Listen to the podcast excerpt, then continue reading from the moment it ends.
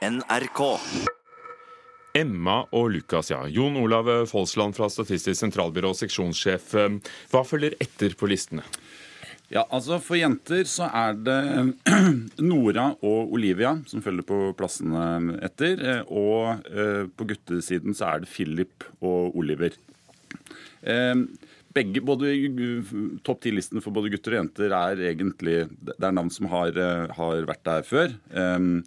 For gutter så er det Aksel og Henrik som er tilbake på topp ti-listen i, år. Og for jenter så er det Lea og Amalie. Mm. Men det navnet som kanskje har klatret aller mest, det er Ada for jenter. Ikke nok til at det kom inn på topp ti, endte på 13.-plass, men det er, det er, det navnet som har gjort de største byksene. Kanskje som verdens best, mest populære og beste fotballspiller, Ada Hegerberg? Betyr sånt noe? Det betyr nok, eh, det betyr nok noe. Det er i fall, jeg tror i hvert fall det er sånn at mange foreldre vil, når de blir eksponert og leser et navn mange ganger, så ikke at de skal oppkalle sitt eget barn etter en fotballspiller, men bare ja, men det var da et vakkert navn. Og så kanskje når eh, barnet kommer at ja, men er ikke dette en Ada? Jeg vet ikke. Det er vanskelig å bestemme seg for om dette låter da helt moderne, for dette er tydeligvis eh, navn i tiden, eller gammeldags. Mm. Um, er det gammeldags eller er det moderne? Ja, det er egentlig begge deler. Um, de tydeligste navnetrendene for, for, fornavn det er at navn kommer alltid tilbake. Så de navnene som er populære i dag, det er typisk de navnene som var populære for 100-120 år siden. Hvor de som hadde de da, har dødd ut. De lever ikke lenger. Det er ingen som trenger å bli oppkalt etter sin egen gamle tante eller, eller noe sånt. Men det er, det er, navn som var borte, og så, og så kommer de tilbake og får, uh, og får, nytt liv. For nå ser jeg på de mest populære navnene i 1898. Mm. Anne, mm. Marie, Astrid, Olga, Ingeborg, Borghild, Martha, Jenny, Margit og Gudrun, for å ta jentene. Um, Anna holdt seg altså fra uh, slutten av 1800-tallet til 1917. Kommer tilbake i andeformen i en 20 års tid rundt 40-tallet, og så ut og inn.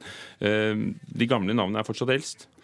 Det er de. Uh, og jeg må si, det dette, er jo, dette, er jo, trender som Det er ikke noe fasit der. Det var ganske mange av de navnene du leste opp på den lista der som jeg tviler på at noen gang kommer tilbake. fordi sånn er det. Nå skal det være Navnene vi barna våre nå er jevnt over kortere. De skal kanskje fungere internasjonalt. Altså det er, det er en del andre regler der. Men for, for uh, Anna og Anne så vil jeg nok tippe at det vil, det vil komme tilbake på et eller annet tidspunkt. Men ellers må jeg også bare legge til at den, kanskje den tydeligste navnetrenden vi har sett de siste årene, det er at de mest brukte navnene blir brukt av stadig færre. Sånn at uh, topp ti-listen for både gutter og jenter det utgjør ikke mer enn 10% av de barna som ble født i 2018. Sånn 90% av foreldre gir barna sine helt andre navn enn de som ligger på topp 10-listen. Jeg må bare spørre da, Ugo eller Hugo, kan det bli et uh, trendy navn, eller? ja, det Jeg kan ikke tenke meg noe annet, for å si det sånn. Fører dere også statistikk på hvorvidt uh, folk bruker da familie, besteforeldre til å kalle opp etter, eller? Um, det fører vi ikke direkte statistikk på. Men det jeg kan, det jeg kan si, er at uh, vi ser til en viss grad uh, forskjeller over landet. Så altså Hvis jeg ser på, på fylkesoversikten på, på toppnavnene for, uh, for 2018 For jenter så er det ganske mange fylker Emma er på topp. Men det er også mange fylker som andre navn. Og i Oppland, ser jeg, så er det Unnskyld. Så er det Tiril som er det mest brukte jentenavnet. Tiril er jo ikke et navn som ligger på topp ti-listen i det hele tatt. Så folk er mer individualister enn før? Ja, det tror jeg vi kan slå fast at de er. Jeg vil, jeg vil, tro at folk rett og slett bruker navnelistene for å finne hvilke navn de ikke skal gi barna sine. Speiler det seg overhodet at Norge er eh, blitt et samfunn med innslag av mange kulturer og mange språksamfunn? Det gjør det. Um, og For navnestatistikken så er jo mest åpenbart uh, at uh, Mohammed er det mest brukte guttenavnet i Oslo. Det er det i 2018, og det har det vært de siste 10-15 årene. Ida, da? Ja Jeg skal ikke Du har ikke Jeg har ikke det. Jeg har topp 10-listen. Ida er ikke på topp 10 for 2018. Søren heller. Ja, ja. Sånn er det. Så egenartet er det. Takk skal du ha. Jon Olav Folsland fra Statistisk sentralbyrå. Og vi kommer tilbake med en navneforsker etter halv ni her i Nyhetsmorgen. Nå skal det handle om eh, norsk eh, språk, Ugo. Er det sånn? Hvor kommer det fra, det språket vi snakker, eller de språkene vi snakker? For første gang er hele den norske språkhistorien samlet i fire tjukke bind. Som eh, ble presentert på Nasjonalbiblioteket i går kveld. Det er det fjerde bindet som kommer nå. Dette har jo pågått over tid. Det er 37 forfattere og fagfolk som tar for seg dialekt, språkpolitikk, hvordan språket har vandret fra urnordisk til det vi snakker i dag. Agnete Nesse, professor i nordisk språkvitenskap ved Universitetet i Bergen, og en av hovedredaktørene. God morgen. God morgen. Når begynner folk å snakke det som blir til det vi snakker i dag? Det vet vi jo ikke helt. Og så er det jo et definisjonsspørsmål hva som er norsk. Um, da er du heldig at vi har deg her. Ja, sant. Um, for språket har jo vært i forandring hele tiden. Og noen vil si at ja, det norsk det er det første urnordiske som vi har kilder på. Vi kan jo ikke vite noe før det. Um, men andre vil jo si at ja, men da var det jo et felles nordisk språk, så vi kan ikke kalle det norsk før vi er klar eller vet at dette var bare i Norge. Men vi har jo vært opptatt av kanskje å åpne perspektivet litt, og ikke bare være opptatt av norsk i Norge, men også andre språk i Norge, og, og den type perspektiv. Er det noe som Folk i Norge elsker språkdebatt. Det er sjelden en sak som opprører og engasjerer folk så mye som dialektbruk, skriftspråk. I forrige uke hadde vi en sak om et nytt eh, forbund som tar til orde for å bruke radikalt bokmål. Vi har hatt samnorsk. Er det noe som kjennetegner norsk språkhistorie til forskjell fra andre lands? Vi har vært veldig opptatt av å markere det nasjonale i språkhistorieskrivningen, nettopp fordi at vi har den historien med at vi var i union med Danmark og hadde et språkfellesskap med Danmark. Men i den nye språkhistorien så er det kanskje dette tonet litt ned, og vi legger større vekt på å beskrive hver enkelt språkhistorisk periode og det som kjennetegner den. Um, men det er klart det har vært um, språkstrid, så den yngste historien er jo preget av de politiske debattene og hvem som har ment hva om språk. Hvordan påvirkes Norge nettopp det at eh, vi har hatt eh, en såkalt dansketid? Vi hadde hanseater i, i, i, Bergen. Vi har ikke levd helt alene? Nei, vi har ikke det. Eh, så, og de viktigste språkene har jo kanskje vært nettopp tysk og dansk. Selv om latin også har jo en lang historie i norsk, men ikke som sånn allemannsspråk. Og, og det nedertyske språket, som vi sier, altså hansatenes sitt språk, har jo påvirket ordforrådet vårt så langt mer enn noe annet språk. Så får vi se hvordan det går med engelsk. Kanskje ditt spesielt? Altså ditt fordi du er fra Bergen. Er fra Bergen? Ja da, det er klart. Eh, det, nok, det var jo der det var størst konsentrasjon av tyskere. Hvilke så. ord kan vi høre det i dag, da? I bergensk i dag? Ja, Yndlingseksempelet mitt og mange sitt er jo det her med å belite seg der man brukte et tysk ordlagingselement, altså forstavelsen B, og så satte man det på et norsk verb, å lite på noen, altså stole på noen, og så ble det belite. Vet du hva det betyr? Si det, du. Jeg kan si det. Eh, det brukes helst negativt hvis man spiller et spill eller leker en lek og syns at nei, nå går det ikke min vei. Så kan man si at nei, nå beliter jeg meg ikke. Eh, så det betyr at jeg, jeg godtar ikke dette her. Jeg tåler ikke å tape. Takk for denne innføringen i, i Bergens særegenheter, og også hvor det kommer fra. Hvorfor endrer språk seg? Først og fremst fordi at uh, samfunnet endrer seg, og språksamfunnet endrer seg, og, og kulturen endrer seg. Uh, så er det vel noen som vil si at uh, språket kan endre seg helt av seg selv, inni munnen på folk. Men de fleste som har skrevet i vårt verk, i hvert fall er med på at samfunnet har mye å si. Når dere skriver fire tjukke bind, hvem er det for? Jeg tror det vi, uttrykket vi har brukt, er den opplyste allmennheten, hvis det sier så mye. Men vi tenker vel at folk, i hvert fall for å få utbytte av de fleste, eller noen av kapitlene, må ha litt skolering i grammatikk f.eks. For på forhånd.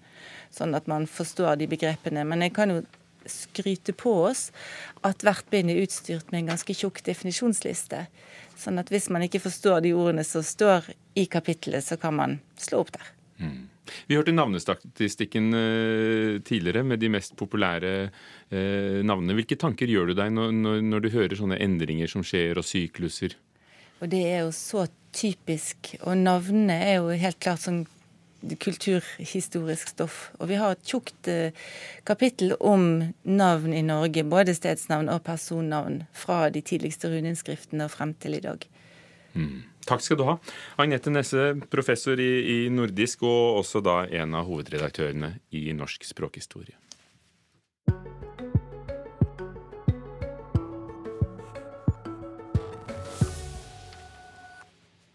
På kort tid har Sara Stridsberg blitt en av de mest leste og mest omtalte forfatterne i Sverige. Hun debuterte i 2004, har allerede skrevet fem romaner, fått Nordisk råds litteraturpris, vært medlem av den berømte og kanskje også beryktede svenske akademien, og i fjor meldte hun seg ut av dette akademiet. Eh, og nå kommer hun med en ny roman. Eh, den er ute på norsk. Marta Norheim, vår litteraturkritiker, du har lest 'Kjærlighetens Antarktisk'. Hva skjuler seg bak en så gåtefull tittel? Ja, Det er ikke lett å gjette, men eh, det som finnes der, er historien om ei ung eh, prostituert kvinne i Stockholm, heroinist. Eh, det spesielle her er at hun dør i starten av boka. Hun har en kunde da, som prostituert som kjører henne ut i, i, i ødemarka og voldtar, dreper og parterer henne. Um, sånt skjer jo. Uh, men det som er spesielt, ytterligere spesielt, er at eh, det er hun som forteller historien etter at hun er død. Og da ser du jo hele livet hennes passere revy, så å si. Men, uh, men uh, hun går i sirkler rundt og kommer stadig med nye informasjoner. Samtidig som hun er helt konkret, altså et partert lik, med likdeler og liksafter og grader av oppløsning og, og alt du kan tenke deg, og alt du egentlig ikke kan tenke deg. Når du sier det på den måten, så høres det grotesk ut. Kanskje litt spekulativt. Hvilke er det allikevel poetisk? Ja, det er jo der å berge seg. Altså, um, Hos en mindre forfatter så hadde dette vært helt uh, skandaløst dårlig. Uh, fordi at uh, hun går inn i altså, så sterke ting. Men, men, det hun gjør, er at hun, hun går rett inn i disse tingene. og å, å, vise hvor fryktelig det er, men samtidig så øh, viser hun den store kjærleiken og hvor vanskelig det er å få det til. Og, og hun gjør det er ikke et spekulativt språk, det er ikke et analytisk språk, det er ikke et moralsk indignert språk, men det er rett og slett en sånn eh, innlevende, medfølende eh, tekst eh, hun har skrevet. og Det er jo den hun har skrevet på hele sitt liv. altså eh, Også Drømfakulteten, som hun fikk Nordisk råds litteraturpris for. Det er den derre rå og poetiske stilen som hun bruker når hun skildrer eh, marginale eksistenser i samfunnet. For hva, hva tror du Sara Strisberg vil fortelle oss? Hva vil hun med, med disse historiene? Også denne 'Kjærlighetens Antarktis'? Eh, det er ikke noe entydig svar på det. Hun vil nok skrive stor litteratur, og kanskje hun også vil vise det som en annen stor svenske sa, det er synd om menneskene. Altså, hun, hun, vil vekke vår medkjensle og kanskje eh, vår forståing for at eh, de som faller utafor, har, har, en bagasje som, som vi kanskje ikke veit så mye om. Det er kaldt i Antarktis, da? Ja, men det smelter. Så eh, jeg lurer på om det er smeltinga av Antarktis mer enn en, en kulden der som hun er, er, opptatt av. Altså kjærleiken kan rett og slett også være ødeleggende. Marta Norheim, 'Kjærlighetens Antarktis' av Sara Stridsberg, oversatt fra svensk og gjendiktet av Monica Aasprong til norsk. Navnet skjemmer ingen, heter det, eh, og vi skal snakke om navn. Emma, Nora, Olivia, Lukas, Philip, Oliver. Dette er de seks mest populære navnene i Norge i fjor. Statistikken kom nå klokken åtte fra Statistisk sentralbyrå. Vi var innom det litt uh, i begynnelsen av timen her i Nyhetsmorgen. Ivar Utne, god morgen. God morgen, ja. Du er førsteamanuensis i nordisk språkvitenskap ved Universitetet i Bergen og en av våre mest anerkjente navneforskere. Hvorfor tror du at disse navnene er de mest populære for tiden? Eh, hvis du tar disse guttenavnene du nevnte, så er det jo, er jo veldig mye bibelske navn der. da, og det, det, er noe som tydeligvis ikke noen vil ta noen ende.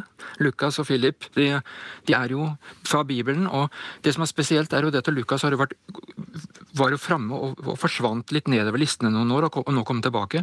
Philip har jo ikke vært så mye brukt heller i det siste. Så dette er to nye bibelske navn som på en måte har kommet høyt opp, og som er, som er litt fremmede for oss i Norge, til og med. Men det viser jo bare at vi får stadig vekk nye bibelske navn, og det liker foreldre. Når det gjelder uh, Oliver, så er, uh, er, det også et lite navn vi er lite kjent med i Norge. Men det er uh, det er internasjonale bølger som slår inn. Altså. Det er toppnavn rundt omkring i mange land rundt oss. Og det er kanskje også noe med klangen i det, at folk liker disse litt l-ene og litt v-ene og sånn som er litt stemte. Eh, det, det er iallfall veldig mye Alt, Alle disse tre vi nå snakker om, er jo egentlig navn som er i, er i bruk i mange land rundt oss, og som det ser ut som det er internasjonale bølger som når inn i Norge. På jentesida så er det syns jeg denne gangen er eh, Du har jo dette med Emma og Nora og Olivia, og der har du jo nettopp Olivia som ligner på Oliver. da. Det er tydeligvis noe med den klangen i de navnene som folk liker, og også Olivia er mye brukt i mange land rundt oss. Så er det akkurat som Emma en... og Nora er det akkurat som en melodi som folk får på hjernen? Altså fonetiske ja. moter? Ja, det er fonetiske moter, tror jeg. Og, og vi, hvis vi går litt lenger nedover listene på jentene sine, så er dette veldig sånn fonetisk. fordi at det, Vi ser mye tydeligere litt lenger ned på listene, blant ti på topp, at det, er så veldig mye vokaler. ikke sant? Det er Olivia, det er Emilie, det er Lea, det er Sofie. Det er Amalie, det er Maja. Det er så mye vokaler i de navnene. Og det er noe som har skjedd de siste fem, seks, syv, åtte åra at det er blitt mer og mer vokaler i navnet. Og så er jo mye altså disse her velklingende konsonantene, sånn som L, M og N, har blitt så mye av nå. Emma har jo også det, akkurat den konsonanten der. Men når du sier og, velklingende, Ivar Utne, er det noen ja. definisjon på at det klinger bedre, eller syns du også det er velklingende fordi du er grepet av motebildet? Det er, det, det er, litt spennende, fordi at, vet at det, for 50 år siden så var det andre ting som var velklingende for foreldre. ikke sant? Derfor er det litt vanskelig å definere det der. Men når jeg snakker om velklang, så si, mener jeg det at det, det er for det første mange vokaler, som jeg nå sa. Og det er i tillegg konsonantene L, M og N de er, de er, på en måte mer stemte enn andre konsonanter. slik at Det blir på en måte mer stemthet i det. og Det er det jeg mener med velklang. Men La, la meg lese Ivar Utne, eh, de ja. mest populære jentenavnene fra 1939. Bjørg, ja, ja. Anne, Inger, Kari, Gerd, Liv, Berit, Astrid, Marit og Turid. Hvor ble de av? De, de, de, er jo eh, Det er jo sånn at moter skifter, ikke sant? Og, eh, og det, det moter skifter jo med åra. Og det er jo sånn at hver generasjon liker å sette sitt preg på, på ting. Altså, vår, dem som er mødre og fedre nå, de vil gjerne bruke andre navn enn dømmes foreldre brukte for 20-30 år siden. fordi at de vil på en måte skille seg ut. De, være, de, setter sitt eget preg på hvordan ting skal være. Og dette har skjedd gradvis hele veien fra 1939, som du sier, og fram til nå. Altså, Navne, navneutvalget i Ti på topp har jo skifta mange ganger siden det. Men den gangen virket det ikke som det skiftet så, så, lenge. Jeg sitter med statistikken fra 1880 til i dag. Nå tar jeg de mest populære guttenavnene fra 1888. Ole, Johan, Carl, Hans, Nils, Olaf, Christian, Peder og Anders. Så skal det være ordentlig original nå, så kaller du sønnen din Ole. Ja, det skal det. Det er faktisk helt sant. Nei, altså, sånn, det, det, som du sier, at disse trendene Folk er mye mer opptatt nå av å ha mye forbruk av navn enn de, enn de var tidligere. For eksempel, hele 1800-tallet så var Fram til godt ut på 1800-tallet så skifta man nesten ikke ut navn i Norge.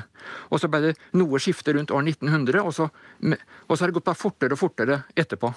Skiftinga går på en måte fortere og fortere. og det er, Dette skjer i Norge, og dette skjer i verden. og Eh, hvor, altså, det, er jo, det er noe at folk liksom vil ha forandring. Er, og, den, og, den, ønsket om forandring, den, den, det er ganske stort for tida. Det er, det er jo sånne ting det går på. Og, og så er det jo at i, den forandringen til enhver tid så er det spesielt typer navn som også folk liker. For eksempel, når du tok disse 1939-navnene, så var det typisk med navn fra, for eksempel, fra den norske middelalderen som var i bruk, faktisk. Og, og det, likte, det var navn som alle likte.